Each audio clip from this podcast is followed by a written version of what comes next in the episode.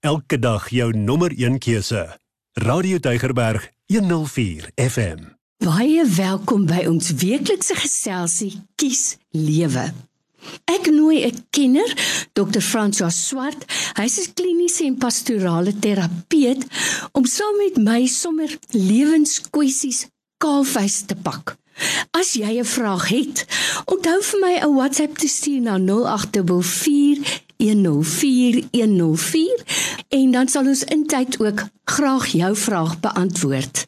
Die hele doel van ons geselsie is om ook vir jou te help dat jy by 'n punt kom waar jy kan sê ek kies lewe. Nou Dr. François vandag praat ons maar oor 'n moeilike onderwerp. Die Here sê ons moet mekaar vergewe. Ons het daai opdrag gekry. Ons is immers vergewe. Maar nou sê iemand, ja, ek het vergewe. Maar ek kan nie vergeet nie. Dit bly spook by my en ek kan nie oor die ding kom nie. Beteken dit nou ek het nie regtig vergewe nie, want ek kan dit dan nou nie vergeet nie. Hoe werk vergifnis? Ja, ek dink vergifnis uh, Lorraine is regtig een van die hoekstene van ons Christelike tradisie. En in die Bybel is groot storie in Psalm 103 waar lees ons dat die Here ons oortredinge so ver verwyd is soos wat die ooste van die weste is. In Jesaja 1 vers 18 al was ons sondes soos skarlaken dit sal wit word soos sneeu Jesus se hele proses aan die kruis getuig van vergifnis Dis dis 'n geweldige groot tema. Ek dink die een ding wat ons moet seker maak as ons self sukkel om te vergewe. Ons het nie 'n brein soos wat 'n rekenaar is nie. Alhoewel my seun wat met die goed werk sê ook vir my pa, daar bestaan eintlik nie so iets soos 'n delete knoppie op 'n wow. rekenaar nie. As jy eers 'n ding ingetik het, dan is dit lyk vir my altyd daar iewers in die clouds of in die lug. Ek verstaan dit nie altyd nie. En wanneer daar eh, iets ongehoord met jou gebeur het in 'n situasie of iemand het iets gesê wat nie toepaslik is nie, wat jou geweldig ontstel en jy weet, uh, ek gaan sukkel om hier oor te kom. Moet jy seker maak hoekom gaan jy sukkel? Is dit omdat jy voel daar is in jou karakter ingeklim? Is dit omdat jy met 'n geweldige ego sit en jy laat nie so met jou praat nie? Is dit omdat daar sekere grense oortree is, en sosiale grense en billikheidsgrense is altyd belangrik? En jy voel hierso sal ek moet sterker staan omdat die regtige grens oorskry is. Maar jy moet vir jouself uitmaak. Is ek net kleinserig is ek maar net iemand wat maklik op my perdjie spring as dinge nie na my kant toe kom en ek nie die regte geluide hoor nie? Dis is 'n hele spektrum van goed hmm. waardeur jy moet gaan Die groot deurslaggewende faktor is is om te agter te kom die ding wat nou hier gebeur het en wat jy nou moet vergewe. Is dit 'n saak groter as jouself? Gaan dit oor 'n beginsel? Gaan dit oor iets wat baie diep in jou karakter ingelê is en jy kan nie eintlik op dit 'n kompromie maak nie. En as jy tot daai oortuiging kom binne jou verhouding ook met jou Skepper en jy voel regtig ek moet nou iets sê, dan is dit goed om dit te erken. Ek is nou ontsteld. Dit is goed om na iemand toe te gaan waar jy bietjie kan gaan ventileer want jy's kwaad en jy's amper en as jy dit nie mooi bestuur nie kan jy bitter word. Mm. Dis daar's 'n klomp goed wat jy in ag moet neem.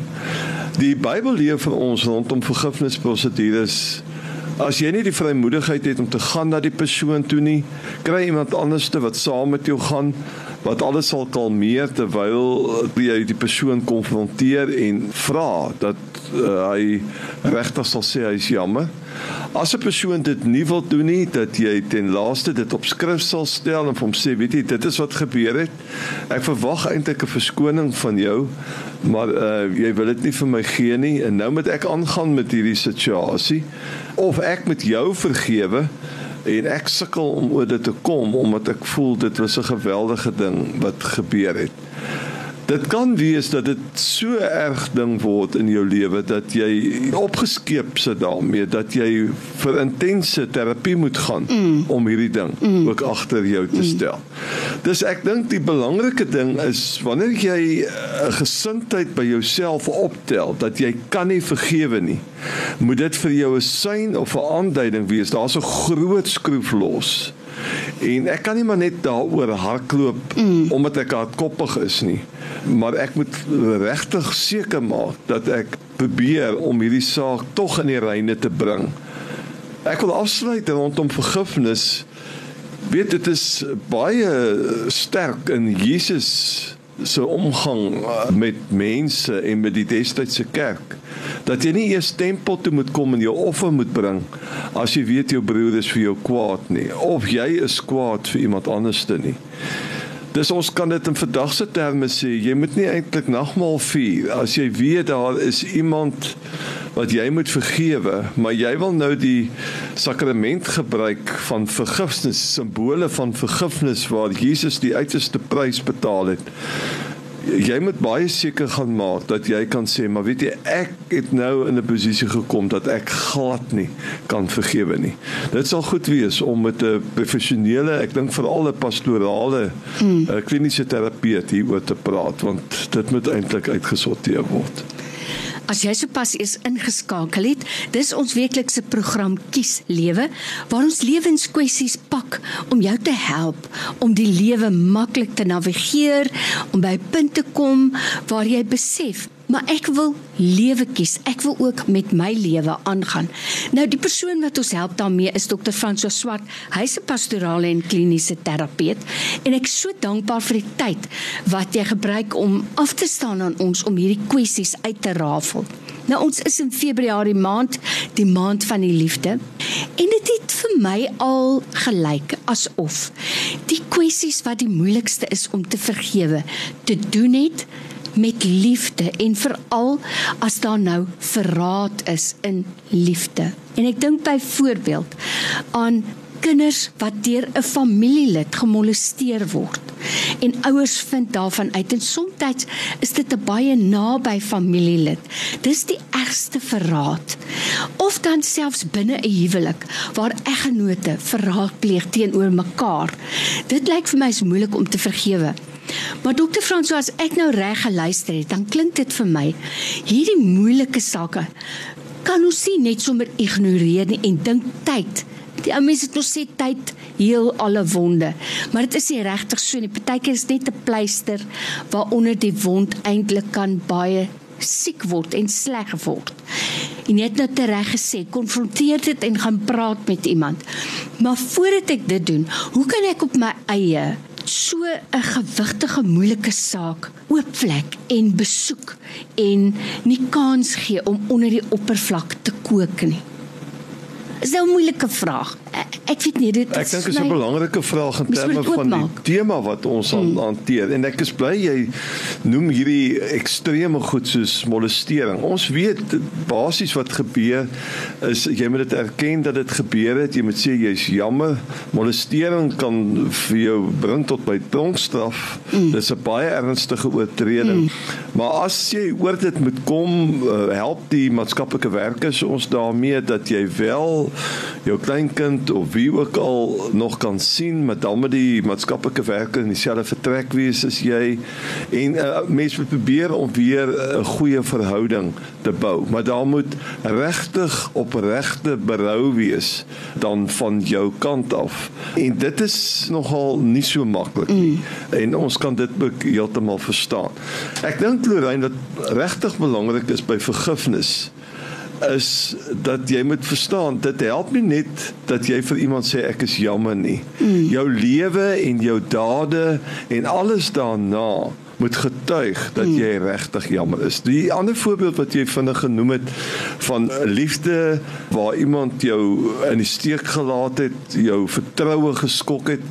Ons doen dit baie in huweliksterapie dat 'n mens in terapie ingaan en regtig die egtheid van 'n persoon se jammer probeer weeg en dan te help om aksiestappe te neem dat sy optrede of haar optrede wys dat sy regtig jammer is. En dan vir hom te leer om praktiese goed te doen wat aanhoudend die ander persoon oortuig dat jy regtig jammer is dis jou jammer sê moet dade opgevolg word wat getuig daarvan dat jy regtig jammer is en baie keer in daai proses het jy iemand nodig 'n mentor wat jou 'n bietjie kan help in mm. opsies in hoe jy tot regtige vergifnis kan kom.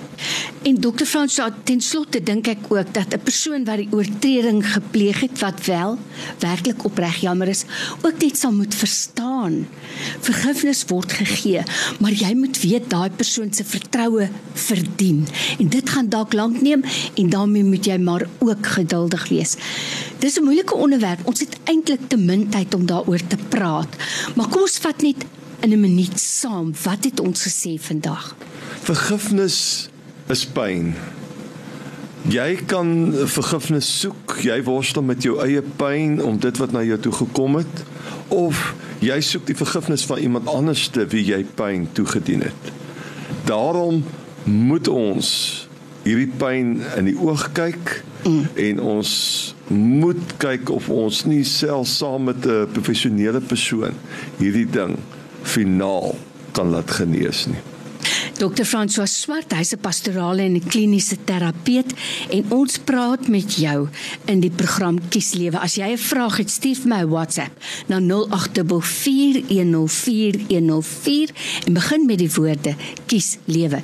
Soos altyd Dr. François, wat 'n voorreg. Dankie vir jou tyd vandag. Dankie Lorraine en groetnis aan al die luisteraars. Jy is ingeskakel op Radio Tygerberg 104 FM.